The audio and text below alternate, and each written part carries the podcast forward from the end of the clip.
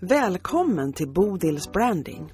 Jag är en Stockholmsfotograf med ett hett intresse för branding och marknadsföring.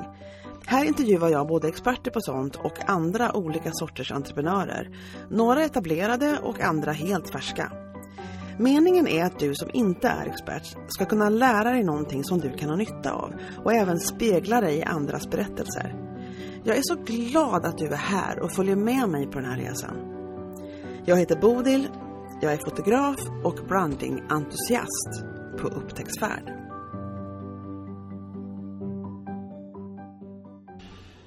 Food Geeks, det är företaget som drivs av systrarna Emmy och Evelina. Och de eh, har lagat mat sedan de var små liksom. Och, och de ville nu eh, starta ett företag där de visade massa recept men även liksom en del av sin livsstil. Eh, både hälsa och personlig utveckling och, och så fantastiska recept som det är. Och Emmy var den som jag träffade första gången live på en julmarknad där hon stod och sålde deras nya kokbok och eh, fantastiskt goda barer med pepparkakssmak och choklad. Det var jättegoda eh, barer var det. Och ett jättestort vitt varmt vackert leende hade Emmy. eh, och det var väldigt trevligt att träffa henne live och vi pratade lite om deras företag och jag kände mig en gång att det liksom bara glödde omkring henne och det ämnet. Det här Foodgeeks-företaget. Så jag frågade redan där och då om inte de ville med på min podcast. Och till slut så fick vi till det. Så vi kunde ses så här genom dataskärmen och prata om hur man skapar en kokbok, hur man har kommit så långt som de ändå har gjort på de här bara två åren som Foodgeeks har varit igång. Eh, och deras liksom tankar omkring hur man hur man tillsammans två systrar jobbar och skapar någonting med lite olika personligheter och olika roller.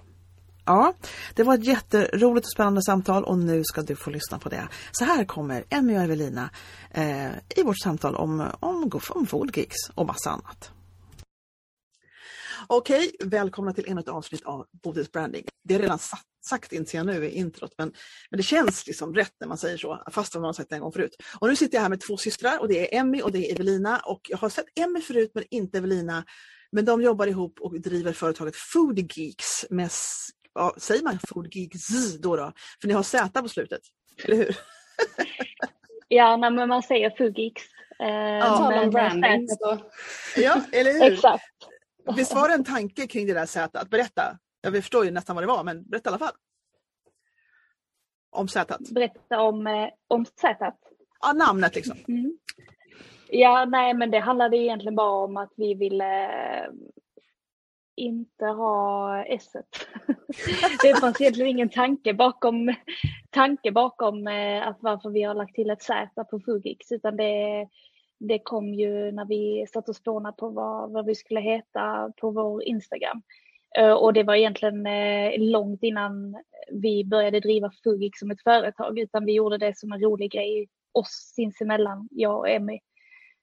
Um, och skulle egentligen bara börja fota vår mat och uh, lägga upp på Instagram och då ville vi ha ett, ja, matnördarna ville vi ha på ett sätt. Så. Men det ser ju bättre ut också med ett Z. Det känns Klart lite mer liksom, alltså vi gillar ju, vi gillar ju klyschan och vi gillar ju typ hur i början, jag minns att när vi satte namnet att det var så många som var liksom, ja men haters gonna hate lite med namnet. Att det var mm. väldigt så här det ska vi inte sticka under stolen med, men det var ju många som gjorde när av liksom, att vi startade ett Instagramkonto med Z. Man bara, vilka är de liksom? Alltså senast yes, man hade Z var väl typ ZT när man var liten. Liksom. Wow, det var sådana, Nej, vad, men... vad, sa de då? Sa de att de, de tror de är coola eller de är, vad, vad sa de för hatiska saker? Nej men det var ju lite så, alltså nej inte så men jag tänker mer bara namnet Z på slutet var väl det här eh, in your face liksom. Ja, Istället för ett S. ja, precis. De tror att ja, de är något, de där två tjejerna.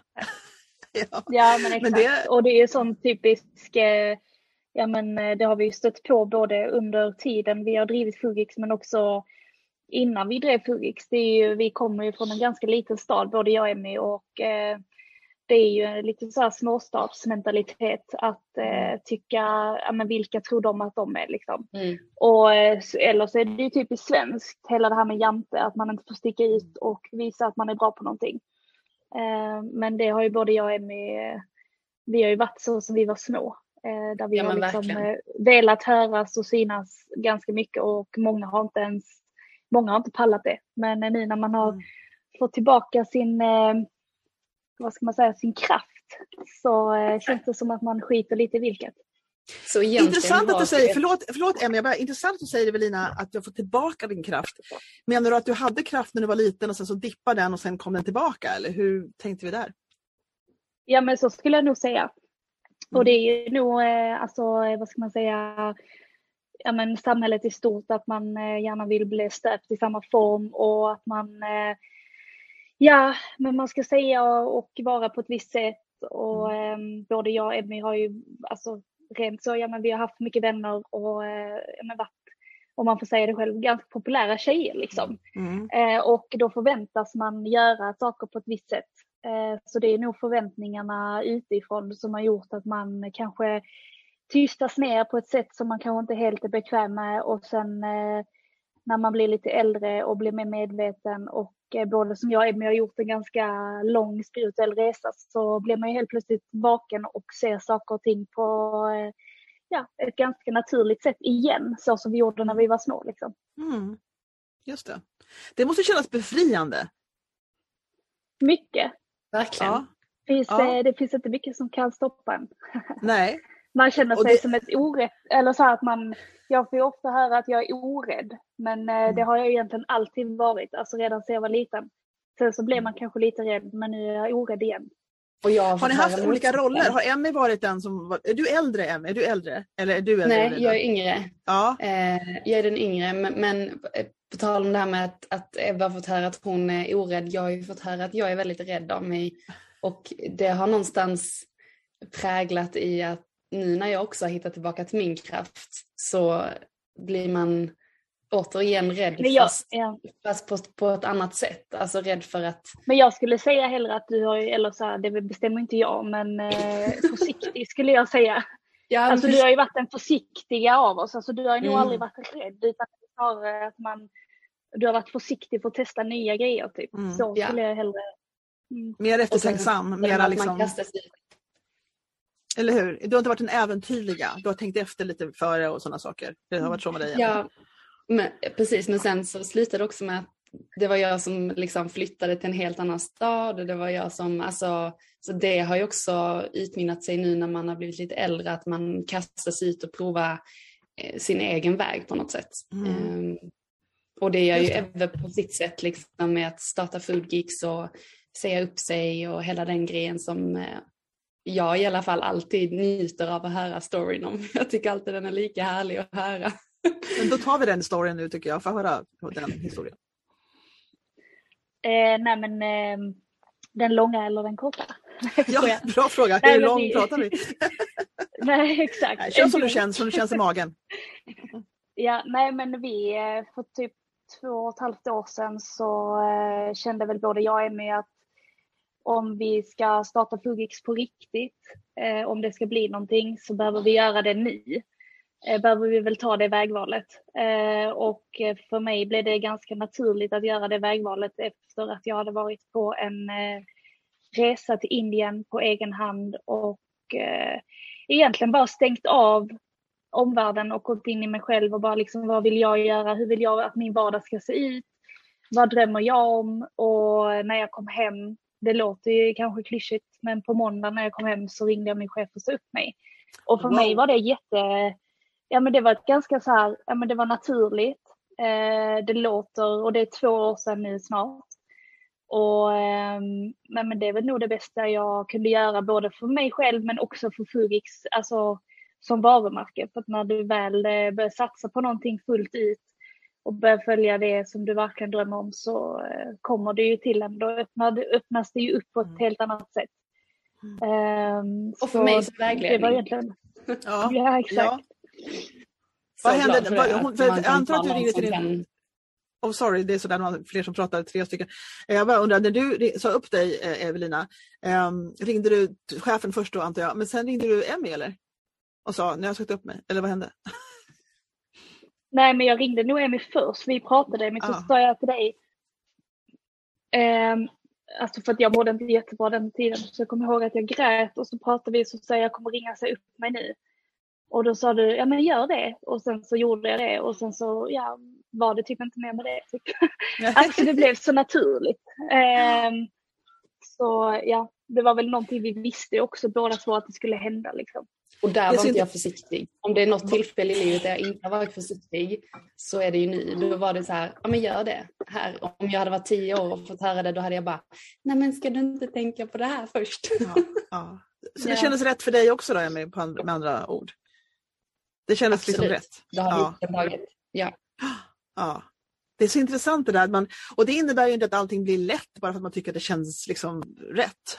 Utan Nej. det blir fortfarande Nej. motgångar och dipp, alltså det, man, man vet inte, oftast, egentligen så tror jag jag kanske har fel i det här, men för mig var det i alla fall så att, att jag liksom kastade mig ut och klev av. Jag hade jobbat deltid, jag hade gått ner på del, jag var lärare och så gick jag ner på deltid för att smyga igång mitt företag. Och, eh, och hade bara en dag i mm. veckan i princip, det var alldeles för lite. Så, att, så, att jag, så sen när jag började jobba heltid som företagare, vilket var den 1 februari 2013, då känner jag att mitt företag mm. i princip startade. För det var, liksom, det var som du säger, yeah, yeah. Då, fanns det mer tid frigjort, det fanns en fokus på ett annat sätt på vad man liksom ville åstadkomma mm, och, och, så, och, som sagt tiden som man inte har när man jobbar. Eh, jag tycker inte det är fel, det finns fler som bollar både någon slags deltids eller halvtidsanställning och ett företag men jag, jag skulle inte klara det, beroende på hur många timmar kanske. Eh, men ja, i alla fall. Så det förstår Nej. jag. Att känna, och då tänker jag på att ni båda två känner att det här var helt rätt steg. Men sen så kan det ju ändå bli, men jag till exempel hade jag har aldrig rört mig förr i världen med så mycket pengar så att jag hade 24 000 på kontot och tänkte att det här kommer räcka i evighet kommer det här att räcka? jag vet hur jag kämpade men jag hade liksom inte likviditet, jag hade liksom inte cash i början så mycket. Köpte alldeles mycket saker och hade inte pengar. Helt. Så det är mycket motgångarna kommer ju ändå. Men om man känner att det mm. känns rätt när man kliver yeah. av, eller kliver på ska man kanske säga, då är det ju en förutsättning för att man ska ha någon slags kärnupplevelse av vad det är man vill åstadkomma, vilket är det som Absolut. är en över dipparna liksom, i princip. Mm, mm. Mm. Men det här med att ja, många så, ser, ja. Förlåt. Kör du, Nej, det är ingen fara. Så där blir det. det är ingen fara. Emil, kör du. Nej men det här med att många säger att är det lätt så är det rätt eller är det rätt så är det lätt. Alltså för mig är det så här, är det rätt är det svårt. alltså för då är det, där ska du kanske hitta din, eh, jag tror mer på det för att där finns det inga shortcuts liksom. Mm. Eh, där ska du egentligen kanske göra din resa och låta det ta den tiden det tar och försöka mm. acceptera att det kommer att ta tid och njuta längs med resans gång för att mm. Ja, alltså jag, jag kan inte riktigt uh, liksom relatera till att det är lätt när det är rätt. Mm. Eh, utan det får gärna vara lite svårt för att jag ja. motgångar, motgångar ger ju framgångar i mm. allt. Mm. Eh, jag har hört det där också, jag tror de menar med att om det är något som är väldigt, att det är väldigt mycket motstånd, där man får liksom, allt sker i uppförsbacke. Det är väl då de säger, är det här verkligen det du ska hålla på med? Jag tycker det, jag förstår hur de tänker liksom. Men, men liksom, är det någonting som känner att det faller så naturligt, som när du slutar jobbet och du Emmy säger att allt är bra, eh, då är det liksom någonting som känns som att det är liksom ens väg framåt. Men det innebär ju inte att man inte har mm, motgångar sen. Men det, är, man kämpar liksom hela tiden i motvind för en idé som aldrig, det är bara hela tiden massa strul. Det flyger då, liksom inte. Liksom. Nej exakt, då kan man börja ifrågasätta om det verkligen var det man skulle hålla på med. Um, mm, beroende på hur envis man är så håller man på längre i motvind, så är det ju. Men att man måste ta motgångar i, i princip så sa någon som sa häromdagen att, att driva företag i princip bara ägna sig hela tiden åt problemlösning. liksom. Ja, att, eh, exakt. så, och det måste man börja bli bra på. Är man inte bra på det och man lägger sig liksom och drar täcket över huvudet då är man inte gjord för att vara företagare i princip. Man måste liksom klara nej, av att se nej. vägen framåt även när det är tungt. Men, men berätta lite vad era, för jag vet ju, eh, jag tycker det är så intressant mer än, eh, det, två år är inte lång tid nämligen för ett företag. Det, det är liksom ingenting som man ska gå omkring och tänka att jäklars vad de håller på länge. Det har de inte. De här två flickorna har i princip börjat. Men ni har kommit så långt på era två år. Och då skulle jag vilja veta lite yeah. grann om, beroende på hur man definierar det förstås, men jag tycker ni har kommit långt på två år. Eh, och då mm. tänker jag liksom, hur, hur var det med för när man ska komma långt med någonting så måste man, man måste synas, man måste ha en väldigt stark idé på vad det är man faktiskt erbjuder. Man måste ha en passion för det man vill liksom ge ut till världen. Um, och, då, yeah. och så är det två människor om det här och då är det alltid lite, lite mm. olika input från olika personligheter och sådär, vilket kan vara jättebra. Tillsammans. Men, men vad har ni, yeah. tycker ni har varit yeah. era milstenar av framgång om ni ser tillbaka på de här två åren, vad tycker ni liksom, ni har åstadkommit ja. som har varit liksom, det som finns i ert företag som ni har åstadkommit? Men jag skulle säga den som vi har åstadkommit som har gett oss mest, det är ju mm. vårt nätverk vi har lyckats bygga upp under de här två åren. Mm. Att vi har börjat jobba med, för att Fugix absolut drivs av mig och Emmy, men vi har börjat jobba med, vi började egentligen jobba med två med personer direkt där det är liksom andra små företag som vi kan jobba tillsammans med och hur man kan dra nytta av varandra. Eh, jag skulle säga att det är väl den primära framgångsfaktorn för Fugiks tillväxt under två år är att vi har hittat väldigt gedigna, tro, trovärdiga, bra samarbetspartners där vi tycker att relationen har varit eh, ja, men givande för både oss men också för dem. Hur, hur har det varit att jobba med Fugix? Kan vi hjälpa andra mindre företag samtidigt som vi, de gör någonting för oss och så vice versa.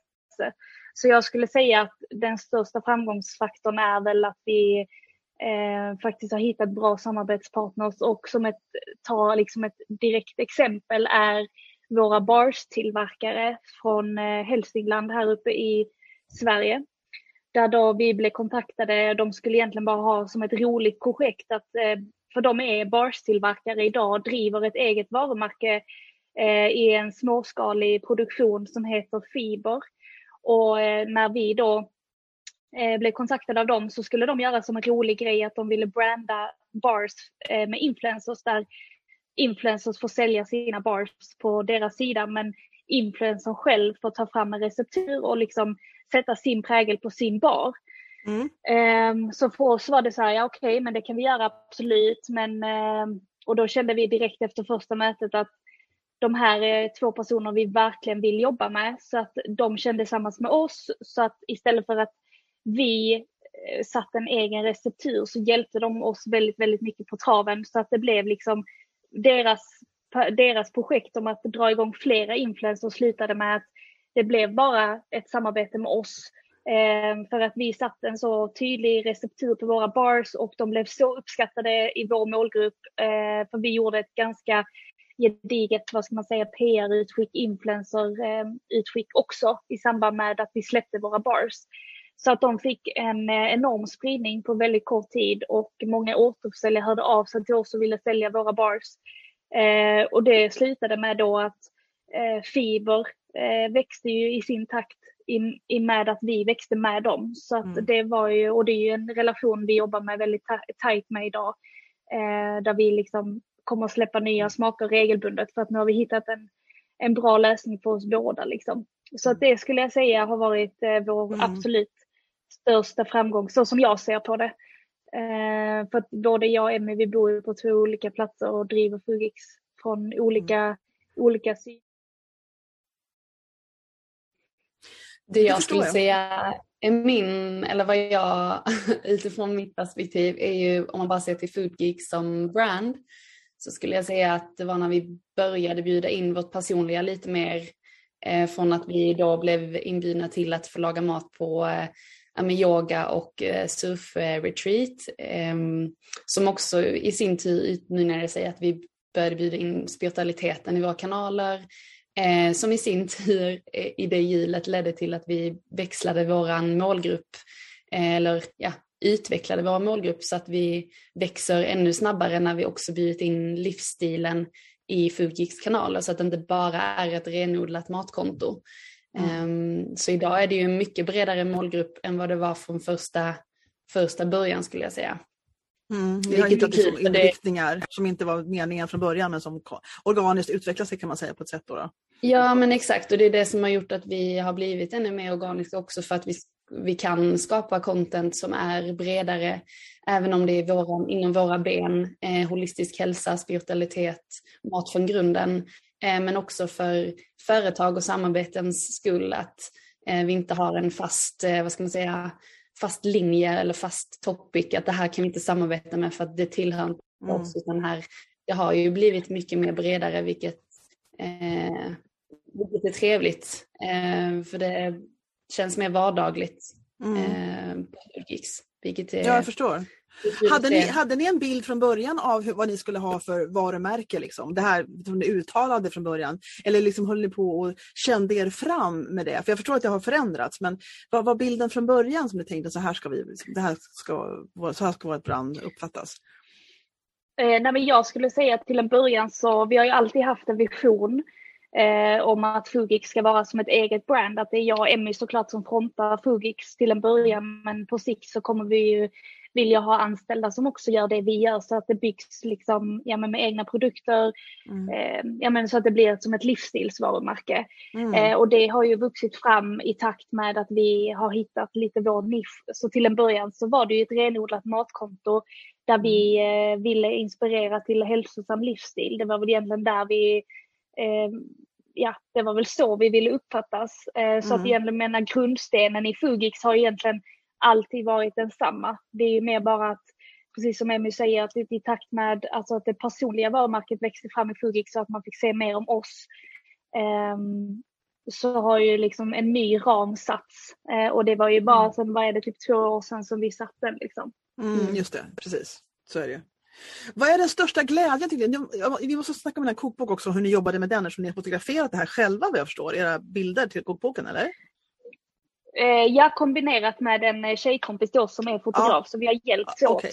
Mm. Eh, men eh, vi har gjort det hemma i min lilla lägenhet. Ja, precis. Jag, jag såg nämligen några filmer när jag började titta lite grann mer på er. Så såg jag, ehm, såg jag arbetet omkring det. Det var väldigt spännande eftersom jag gillar att fotografera mm. så är det naturligt för mig. Men, men mm. vad tänkte ni ehm, hade ni bakgrund i det här eller är ni bara den generationen som det faller sig naturligt att göra liksom marknadsföring på sociala medier? Var det bara liksom att fortsätta fast med det här kontot? Eller var det någon motstånd eller någon in, inlärningskurva eller någonting när det gällde att marknadsföra ett företags varumärke som ni upplevde? Mm. Nej, jag skulle säga att det faller oss väldigt naturligt att vi mm. är den generationen som har vuxit upp med eh, sociala medier. Mm. Och man, kan man vet hur man navigerar i eh, plattformarna på alltså jag ska inte säga på ett helt annat sätt, men man lever det för att vi har levt i det. Liksom mm. Lunarstorm, MSN, eh, bilderboken. Vi vet hur man, liksom, hur man pratar, hur man syns. Eh, så att jag skulle säga att det är en, en typisk eh, fördelaktig generationsfråga i, liksom, i tillväxten för Fugis, det skulle jag säga. Mm. Emmy, har ni några uppdelade roller i era, när det gäller att marknadsföra er i företaget? Um, nej, det skulle jag inte säga um, rent upp att dela upp sig så, utan snarare att vi hittar olika sätt att marknadsföra oss på. Mm. Um, alltså det är Evelinas heltidsjobb så det blir mer, um, det är mycket, mycket du som skapar ju till vardags. Mm. Um, mycket jag som gillar det personliga på Instagram stories till exempel. Vi märker ju vad som drar engagemang snabbt och vad som, eh, men, vad som går bra när det mm. kommer till Instagram för oss. Alltså någonstans är vi ju, vad ska man säga, vi är liksom vårt enskilda ben i Gigs även om vi gör det tillsammans eller vad man ska säga. Mm. Mm. Um, sen så märker vi ju att när vi skapar samarbeten tillsammans och när vi är med varandra fysiskt också så eh, får man ju en ännu tydligare bild om att det är vi som är två systrar och vi gör det tillsammans. Det är en del av mm. varumärket att det är syrrorna som håller på, att det är två systrar. Verkligen. Ja, ja. ja. Folk, vill, folk vill ju helst se oss tillsammans liksom. Mm. Sen så, alltså hur det liksom, det funkar inte att göra det hela tiden men det är därför det är bra att vi kan variera oss liksom. Berätta hur ni rent metodiskt lägger upp det, för ni pratade innan vi började inspelningen här om att ni har möten och liksom hur ni schemamässigt liksom lägger upp ert samarbete. Ja, Nej, men jag skulle säga att vi snackar ju hela tiden på sms. eh, ja, det kan ju vara, jag tror vi är upp mot alltså, 100-150 sms om dagen. Mm. Eh, och eh, vi facetimar ju liksom ja, också varje dag. Men det liksom strategiska mötet för hur vi ska jobba veckan sker oftast alltid på söndagar. Ehm, I, i den mån vi känner att vi orkar jobba på, på helgen också. För att så här är det att när vi jobbar med Fugit så är man ju hela tiden uppkopplad. Man är ju hela tiden med sitt jobb. Eh, så att vi försöker ändå liksom ha helgerna såklart att vi kan skapa innehåll för Emmys del då där hon har eh, inte skola eller har gjort annat på mitt på dagen så helgen för henne har väl varit guld att skapa innehåll men eh, annars så sker det på söndagar där vi planerar in i vårt eh, eh, vårt sheet veckovis vad vi ska lägga upp, eh, vilka recept vi vill skapa för den veckan, eh, vilka möten vi har, eh, vilka samarbetspartners vi ska liksom pusha för den veckan. Mm. Och sen så lägger vi upp arbetet så helt enkelt att vi fördelar det. Liksom, jag, gör det jag gör ju såklart det mesta som jag kan. Men det är viktigt att Emmy också är med och kör sin grej liksom, för att vi ser som sagt att vi kan inte bara vara en i det. Liksom. Mm. Och rent strategiskt och siffermässigt så har vi väldigt lite mer omfattande möte en gång i månaden där vi bara går igenom och gör en wrap-up på vad som har gått bra. Eh, och det genomsyrar ju också i vad vi skapar där vi går igenom på vad har gått bra på våra kanaler. Eh, så att vi uppfinner inte, finner upp höll jag på att säga, vi uppfinner inte hjulet på nytt alltid när vi skapar utan då ser vi till vad som har gått bra och vad vi kan ja, men hur, vilken exponering har det här content fått liksom? Eh, bra, men då gör vi om det fast på en, ett nytt sätt. För då kan man också ha en viss garanti i grund och botten i sin core med sig när man skapar att okej, okay, det här har gått bra, då vet jag att det kommer eh, gå bra. Jag brukar sätta en så intention när jag ska skapa ett nytt recept att så okej, okay, men hur vill jag själv ha det? Om man går till sig själv, vad hade man velat se? Um, mm. Och då brukar det oftast generera till någonting gott. Bokstavligen. Det kan jag verkligen förstå. Det här är något som jag måste börja, börja liksom, inte, inte lära mig, för så jävla svårt är det inte, men, men liksom få in i min eh, vana att liksom titta på statistiken mer och, och se vad som gäller. Men jag vet ju också om med andras konton vad jag tycker om och sådana saker. Att, till exempel bilder på människor är ju de människorna som står bakom kontot är väldigt viktigt också. Men ni har ju en annan inriktning med era recept, er, er mat och sådana saker förstås också. Då, um, och så. Men har, hade ni någon bakgrund liksom när det gäller um, matlagningen, för det är ändå där allting började med själva företaget. Liksom. Var det bara intresserad i största allmänhet? Var det någon som gick någon utbildning? Var, hur, kom det där? hur kom det sig att ni plötsligt är matlagningsgurus? Ja, nej men alltså matlagning för oss har alltid varit en, eh, vad ska man säga, en viktig del i vår familj. Typ. Alltså, vi har mm. alltid lagat mycket mat. Eh, sen vi var små så eh, fick vi också så här utvalda matdagar när vi var väldigt små så fick vi liksom experimentera i köket där det var typ en dag så fick jag laga, en dag fick Emmy laga. Eh, så att det har egentligen bara varit av eh, ett väldigt, väldigt stort intresse för båda, bådas del. Så ingen är mm. utbildad eller så utan vi bara, ja men vi älskar att vara kreativa i köket liksom. Mm. Ja det måste nästan vara så, att det är en grundpassion. Att det var väldigt roligt så att vi ville ha varje dag. Mm det där är så intressant för mitt stackars barn har ju inte någon gourmet-tillvaro här hemma hos oss kan jag säga utan det är liksom bara uh, det är mycket, och hon lagar sin egen mat i princip för hon ger upp liksom lite på oss. Så. hon säger okej, okay, jag, jag fixar middag själv, det är lugnt. Liksom. Så, så jag känner mig helt liksom, som en, så här, hon klarar sig själv, hon är 17 år så det är ingen katastrof. Det var bättre när hon var yngre. Men, men liksom, jag tänker på det ibland, olika inställningar och, och vad intressant det är med olika familjers intressen och hur det liksom präglar mm intresse på barnen. Det kan gälla musik, det kan gälla sport, det kan gälla matlagning som i ert fall. Men det är verkligen, det påverkar. Um, om man har mm. passion för någonting så är det lätt ja. att barnen tar efter. Men hon har inte varit haft intresserad av att fotografera kan jag säga. Men det kom sent, det kanske var därför. och sådär.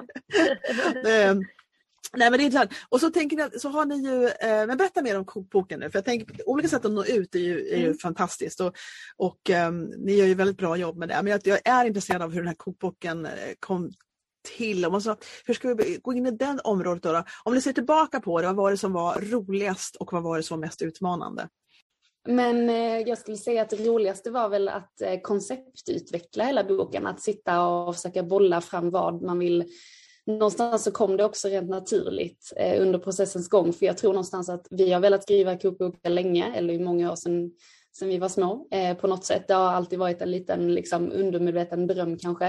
Eh, och sen när vi väl ska sitta och diskutera konceptet så bara, det är klart att vi ska göra det här. Ehm, så att, och sen så processen, i och med att vi signade bokkontrakt i maj eh, nu förra året och sen började skriva och boken var klar i september. Så jag tror att den korta tidsperioden där vanligtvis människor skriver böcker på typ ett och ett halvt år eh, tror jag grundar sig mycket i att vi visste någonstans undermedvetet hur den skulle vara eh, på ett ganska direkt sätt. Och såklart att vi jobbade med rätt människor. För det tror jag också när man låter varandra vara duktiga på det man gör eh, så mm. går det fort och då får man flow liksom. Och det mest utmanande då, Emmy, vad tyckte du det var? Eh, jag skulle säga att få sålla ut recepten. att så här, man ville ha så mycket. Mm, mm. Eh, skulle jag säga. Hur ser du tillbaka ja. på det här projektet då, Evelina?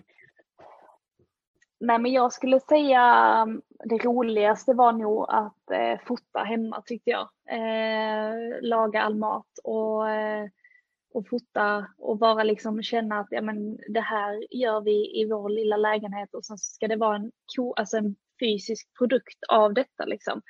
Så jag skulle nog säga att processen från eh, alltså laga maten och fota och till att se redigerade bilder och Eh, det skulle jag säga var det roligaste och såklart det, utmana, det mest utmanande var ju att skriva och skapa på så kort tid. Mm. Att man liksom allt annat egentligen, alltså i ett företag så ska man göra bokföring och eh, ja men det ska hela tiden vara, man är ju hela tiden liksom steget framför i huvudet när man driver företag. Mm. I alla fall för min del. Eh, så att det var svårt att liksom, eh, så har jag liksom när man har gjort ett projekt så tänker jag hela tiden på nästa. Mm. Eh, och ehm, det tyckte jag var nog det mest utmanande att jag liksom, ja men vi gjorde detta men jag tänkte ändå hela tiden på nästa projekt och nästa projekt i boken var ju våra bokreleaser. Så att det skulle jag säga nog var det mest utmanande att göra det på så kort tid.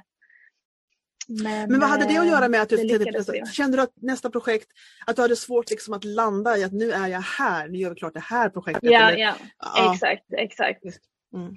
Så det var nog bara att liksom, ja men nu måste jag vara här i detta här, men det är, det. det är svårt att bara vara i en, i en grej i ett företag för att när vi vet om att, ja men också för att vi vet att, ja men vår, in, alltså vad ska man säga, den primära inkomsten kommer inte av att vi skulle göra en kokbok utan alltså alla de här sidoprojekten, bars, kokbok, eh, ja men hela, ja allt vad vi har gjort. Det är inte liksom, det är inte där, vad ska man säga, det är ju såklart det är så vi bygger branding och det är så vi bygger företaget. Men det är ju inte där vår primära inkomstkälla för företaget är. Så att det var ju liksom, det är svårt att ha alla de benen och samtidigt vara i liksom kärnan i företaget. Det är faktiskt en utmaning det där att tänka, för, för det, jag tror en del, för det finns ju väldigt extremt fantastiska fördelar med att vara företagare och bara jobba för sig själv. Och jag tycker den största perksen är liksom att kunna styra sin egen tid och att man har en flexibilitet som man inte mm, har om man är mm. anställd. Eh, och sen så är det en kreativitet som, som tillfredsställer en människa som, som är kreativ. Så är det en, en, en, en, liksom en high på det, att man liksom får vara kreativ och komma på nya idéer och allt det där. Eh, och då, men sen så tror jag också att, att man så en del liksom går igång bara på det där, och så finns det en stress i företagande för man måste ju ha in pengar. Man ska ju leva på det här, man ska, ha, man ska betala räkningarna. Man ska liksom mm. Och den stressen och då, att man liksom måste få ordning på, ordning på fokus på olika saker. Men, men branding och marknadsföring det leder ju till att man också får inkomster. Exakt. Man bygger ett företag, man bygger ett varumärke. Ja, eh, så det är liksom, så rent liksom, um, uppgiftsmässigt så är de liksom Mm. De hänger ihop, det går inte att dela på dem. Liksom, utan, ja, det, utan, nej, exakt, eller hur? Exakt. En kokbok är till för, för varumärket. Det är liksom till, och för att visa exakt. vad ni kan och sådana saker. Och det bygger sig, allt hänger ihop som en väv. Liksom. Men vad är er primära ja. inkomstkälla då, om man, om man går in på den vägen och frågar? Eh, det är ju samarbeten på sociala medier där vi mm. eh, jobbar med samarbetspartners. Um, och gör eh, allt från eh, alltså kreativa recept med nya produkter eller om det är ett speciellt varumärke vi vill jobba mm. med och lyfta fram i våra kanaler. Eh, så att det där är vår primära inkomstkälla. Gotcha. Så det är som en influencer till vara lite grann, ni får liksom betalt för att jobba ja. med varumärken och visa sådana saker. Plus att ni har ett eget varumärke. Ja, det är... exakt. Mm. Exakt. Mm. Så det är väl egentligen så som Fugix har ju de benen att stå på att vi jobbar mm. som influencers vi jobbar med våra egna produkter Eh, och att vi jobbar eh, med liksom event och retreats och så. Så det är ju våra ben vi jobbar med. Liksom. Jag fattar. Men okay. Och det är också en annan sak som är lite intressant, att man liksom, ofta i ett företagande har olika inkomstkällor. Och det är liksom inte det att man måste bara göra en sak och den måste hela tiden vara heltid och det måste hela tiden vara det enda man har pengar från. Det är ganska ovanligt till och med och det är mycket, mycket bättre om man kan odla liksom lite olika kanaler där man kan få in lite cash. Liksom. Ja. Ehm, och så. Ja, Men allting ja. hänger samman med att man har ett varumärke som kan vara på lite olika sätt. Men eh, ni kör i ett personligt varumärke, det är det som ni håller på med eh, i eran, eran Eh, har ni haft problem med det där att liksom känna en avgränsning mellan det personliga och kanske privata gentemot, för jag jobbar ju som brandingfotograf så jag fotograferar ju människor som vill bygga ett starkt personligt varumärke. Och då ja. vet jag att en del när man pratar om de här sakerna så eh, dels tror jag det är ganska mer utbildning som krävs för, för vanliga företagare som jättemånga skulle behöva bygga ett personligt varumärke men som inte gör det, som inte riktigt förstår meningen med det. Men då kan en del ha frågor, när de börjar undersöka det här så en, en frågeställning kan vara var går gränsen mellan privat och personligt, vilket jag har en jättebra tips om. Mm. Men hur har ni, liksom, hur har ni eh, tänkt runt det? Alltså vi delar ju, vi är personliga men vi är inte jätteprivata om jag skulle säga så. Vi delar, vi delar inte jättemycket av liksom, den avgränsningen sker ju någonstans mellan vad vi, hur vi resonerar kring andra, vad ska man säga, privata, alltså privata ämnen är det ju inte men alltså vad ska man säga, men, politik eller våra, mm. våra relationer eller eh, eh, vad skulle vi mer säga att vi inte delar? Vi delar kanske inte så mycket om vår familj och vi delar kanske inte heller hur mycket, så mycket om vårt vardagliga utan vi får, mm. man har ju våra olika, alltså vad ska man säga, tillfällen som man får se på vår story när vi mediterar och yogar. Och det är personligt men det är inte privat för att det är inte, Nej. man får liksom inte följa med oss på vår privata resa mm. på det sättet. Så att det personliga är ju i liksom, ja, men hur vi ser på mat, holistisk hälsa och spiritualitet. Så mm. det, är mm. egentligen, det är egentligen vår nisch som hjälper oss att avgränsa oss från att vara personliga, från att vara privata. Så, så privata, det är vi ju inte. Eh, och eh, någonstans, jag vet att man om man nu ska liksom se i personlig branding och bygga det ännu starkare så skulle man behöva vara lite mer privat. Men mm. eftersom Fugix är ett eget varumärke där vi har mm. av, avsiktligt haft, alltså har Fugix som ett namn och att vi liksom tar fram egna produkter, att det är ett livsstilsvarumärke mm. så skulle det bli, vad ska man säga, det skulle bli konstigt att helt plötsligt vara privat i det varumärket. Nej, alltså, då blir det Evelina liksom. Hur har du ja, tänkt men då får det i så fall vara en annan kanal. Liksom. Mm. Ja. Men sen tror jag också vi har en ganska, även om vi är personliga, så är det ju en generell tonalitet, skulle jag säga, en ganska ljus tonalitet i allt vi gör. Eh, som uppfattas kanske privat fast på ett personligt sätt. um, ja.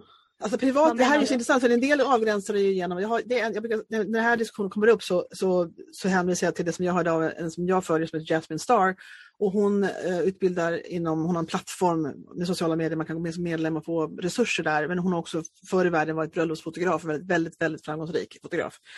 Och hon sa att USA är så himla stort så många tar sådana här domestic flights, alltså inrikesflyg, mer, det är som när vi tar länsbussarna och, och, tåg i princip. När man åker flera timmar med någon, kanske fyra timmar sitter bredvid en främling.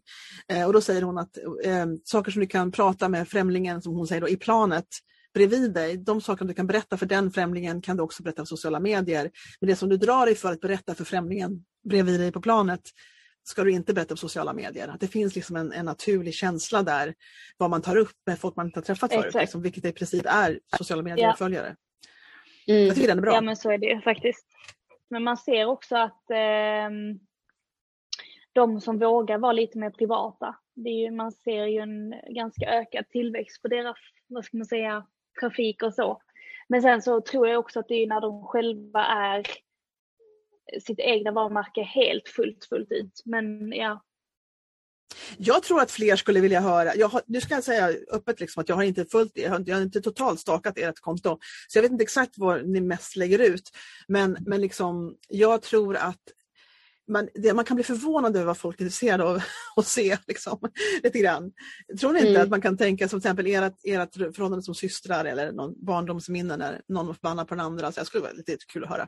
Det kanske är den här, det kanske är den här skandalmentaliteten man har i, sitt, i sina, att man vill veta mera privata saker. Nej, men, det kanske inte bara är bra. Men det, vi, nej men exakt, nej men det är vi fullt medvetna om. Så vi har ju börjat prata om andra typer av kanaler, alltså för att vi skulle ju vilja lyfta fram våra personligheter lite mer, för vi ser ju att det är det som det är det som driver, eh, jag menar vi har event och gör andra grejer eh, utanför digitala eller sociala medier.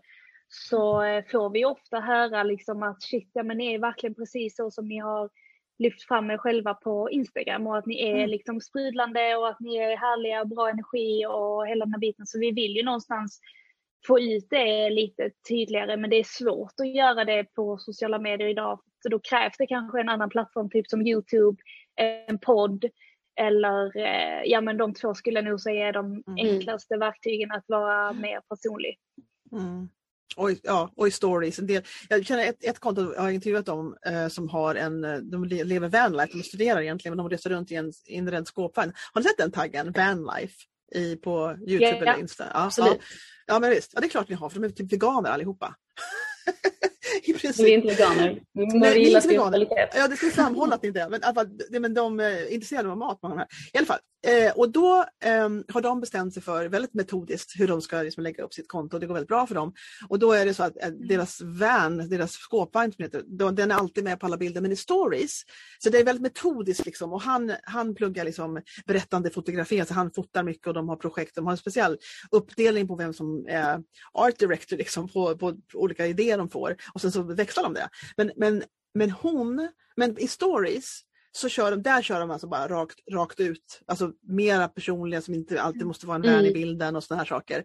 Så man har delat upp det så till ja. stories så kör de liksom, ja, du vet, ofiltrerat kan man i princip säga.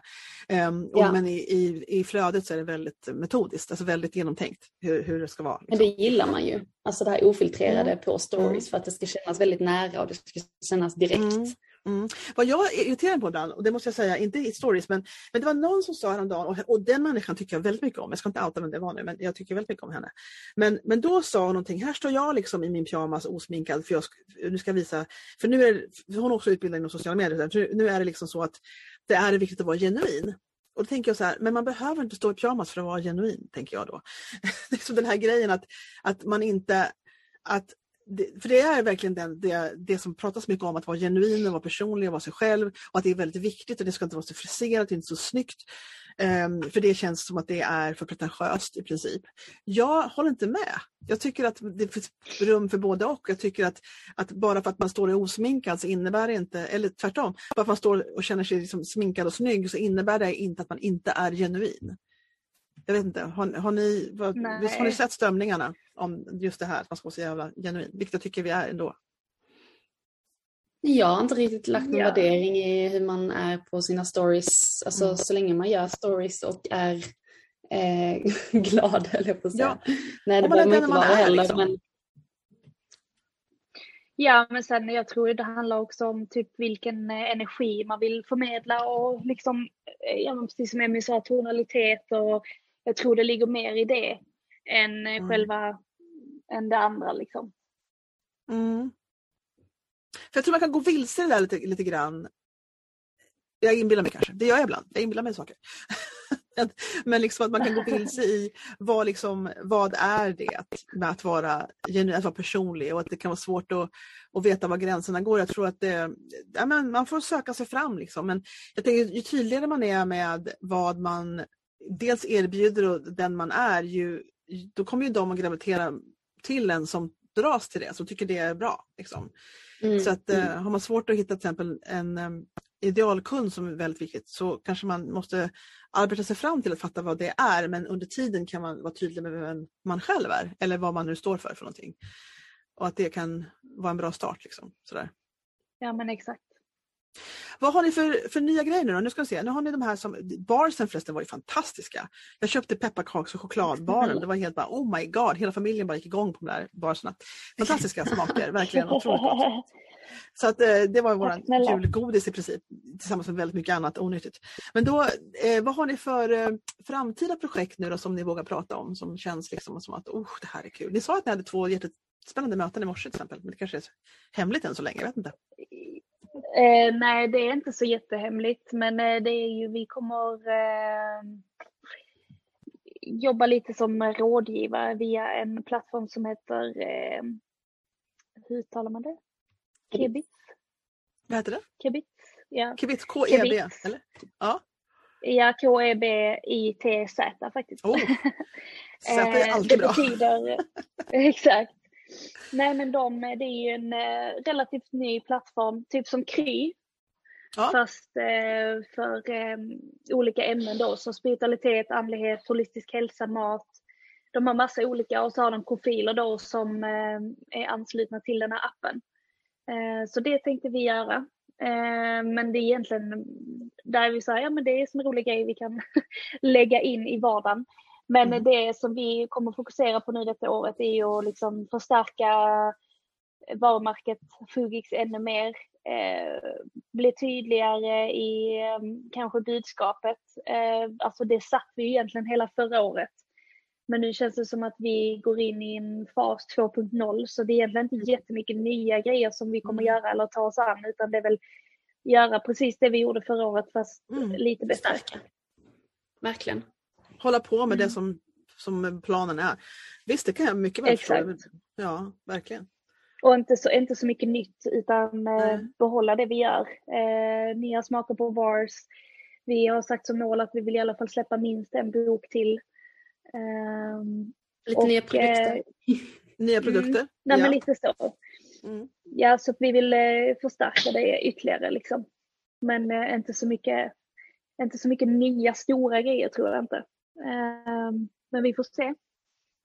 Det är så intressant det där för att man har olika faser i sitt företagande och man, jag tänker att man att man kommer på, ibland så bara snubblar man över saker som är nya som man inte hade tänkt så ett halvår senare så har ni någonting helt nytt på gång, det vet man aldrig. Men, mm. men liksom, Nej, det här att, det, här att det, det finns, det, om man är så här kreativ varelse och umgås med andra som är kreativa och entreprenörer har ofta mycket i huvudet och mycket idéer så är det som att det är ett, ett självändamål att hela tiden utvecklas till någonting nästan 70% annat än vad det var förut. Eller på, på, ett visst sätt så är det som att att det är väldigt viktigt att vara nyskapande hela tiden.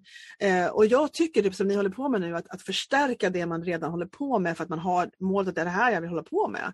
Eh, och att man förstärker det hela tiden. Att det finns en väldigt stark eh, fördel med det. Att liksom inte hela tiden känna att jag, jag har hamnat i ett, i ett nät, för att jag stödjer, jag tycker så mycket om den som driver lilla nätverket så jag gick med för att jag tycker om henne. och då, men då märker jag att hon är ehm, eh, det, det, kan jag säga på en gång, hon behöver kanske fler folk där. Den heter eh, jag har ju inget minne. Rebel Wonderland, vad heter den för någonting? Mikaela Absolut, Are. är det Mikaela? Vad heter det? Ja, Mikaela, precis. Ja. Vad heter det? Rebel Wonderland tror jag den heter. Rebel Wonderland. Ja, och hon är ju mhm. career strategist som hon säger och hon är liksom lite mer sak designer och lite annat. Men hon, hon hjälper ju folk liksom att komma igång och våga gå utanför boxen och våga tro på sig själva och våga starta nya grejer och sådär. Eh, och, eh, och, och, hon gör extremt mycket god verksamhet och hjälper mycket människor där. Eh, så hon är fantastisk. Men jag känner mig, och jag vill jättegärna vara kvar för jag tycker om att hänga med folk, det tror jag.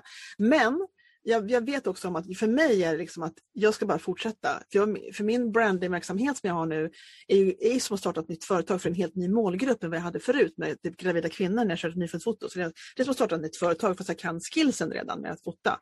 Eh, och då känner jag väldigt mycket nu att nu ska jag bara hålla på och hålla på och hålla på och bygga bara vidare på det, den planen jag har. Och det är lite grann där ni är nu, att ni har planen ligger, ni har åstadkommit saker men nu ska vi bara, som ni säger, förstärka. Förstärka och liksom ja. bara gå vidare på vägen i princip. Exakt, så, um, ja. Det är inte att förakta, Nej, utan så... det är någonting som är väldigt bra i företagande. Ja, Nej, men jag tror på, eh, ja men man måste ju, måste, man måste ju ingenting men i företaget så för mig så vill man, eh, man vill ju bli bra, alltså man vill inte bara göra det halvdant liksom. Och nej, nu nej. gjorde vi det bra förra året och mm. nu vill vi göra det lite bättre detta året fast egentligen inte så mycket nytt utan bara, mm. ja som du säger, förstärka det liksom. Absolut. Men, men hörni, alltså, det har gått så rasande fort men det har gått en timme nu. Jag är så glad att ni är här. Men jag, ska ta, jag, känner, jag vet inte om jag har, jag har förmodligen fel i det här men jag uppskattar att folk börjar bli lite halvtrötta framåt 55 minuter och tycker att det vore dags att göra något annat med sina liv än att lyssna på oss. Ehm, så vi får väl begränsa oss då den här gången och känna att det känns som att jag bara skrapar lite på ytan av er två men jag, om jag får så får, återkommer jag om ett år och ser liksom Ja. hur det är då. Ja. Det vore väldigt, väldigt roligt. Klart. Eh, Så vi ska berätta nu då igen. Så ni, ni har ett konto på Instagram som heter Foodgeeks med Z på slutet. Eh, Ni har en kokbok som heter Bowl någonting. Vad är det den heter? Bowlsbibeln. Bowl, Bowlsbibeln. Bowls, Bowlsbibeln heter den, just det så var det. Eh, och vad är det mer vi borde veta om era kanaler? Men det är väl där hemsidan heter Foodgeeks antar jag? Eh, GoFoodgeeks.com. Ja. Då vet folk vart de ska hitta er någonstans, så in och kika där. Um, alltså jag måste bara fråga, pepparkaksbaren, var det bara en sån här julspecial eller finns den kvar nu också? Den finns kvar. Vi har lite till på lager så att eh, du får gå in och lägga en beställning. Jag får göra det, det var fantastiskt. Men hörni, tack så jättemycket för den här timmen och jag är jätteglad att jag fick till det. Det var väldigt roligt att prata med och se. såklart. Dig har jag sett Emmy, men Evelina var ett nytt ansikte. Det var väldigt trevligt att se dig Evelina. Ja, ja men detsamma. Då stänger jag av inspelningen och så säger vi adjö till lyssnarna och säger hej då bara. Hej då! Tack snälla. Super, tack. Ja, tack Emmy och Evelina för att ni ville vara med på min podd. Det har varit så, så roligt. Och du som lyssnade på det här och som nu kanske känns, alltså du måste ju känna dig inspirerad av, av Food Geeks som deras företag heter och av systrarna Emmy och Evelina eh, som liksom skapar någonting av en passion som de har haft sedan barndomen. Och det här hoppas jag inspirerar sådana som liksom går omkring och har en passion men jobbar liksom med något annat och har en längtan efter att starta någonting som, som eh, man blir lyckligare av helt enkelt. Jag önskar verkligen att fler vågade sig på den resan. Så att, eh, som sagt, jag hoppas det här avsnittet var lite inspirerande. Eh, Foodgeeks har berättat vart de hittas. Man kan uttrycka sig så, kan man säkert, för det gjorde jag alldeles nyss. Eh, och jag är ju en brandingfotograf som du hittar på nätet på, på brandingu.se och så har jag ett Instagramkonto som heter brandingu.stockholm. Eh, tack så mycket för att du har lyssnat på det här på det här avsnittet och förhoppningsvis kanske på flera avsnitt av den här podden. Och varje lördag så kommer det ett nytt och du är varmt, varmt välkommen tillbaka. Eh, men vi säger hej då just nu och så hoppas jag vi ses igen. Hej då!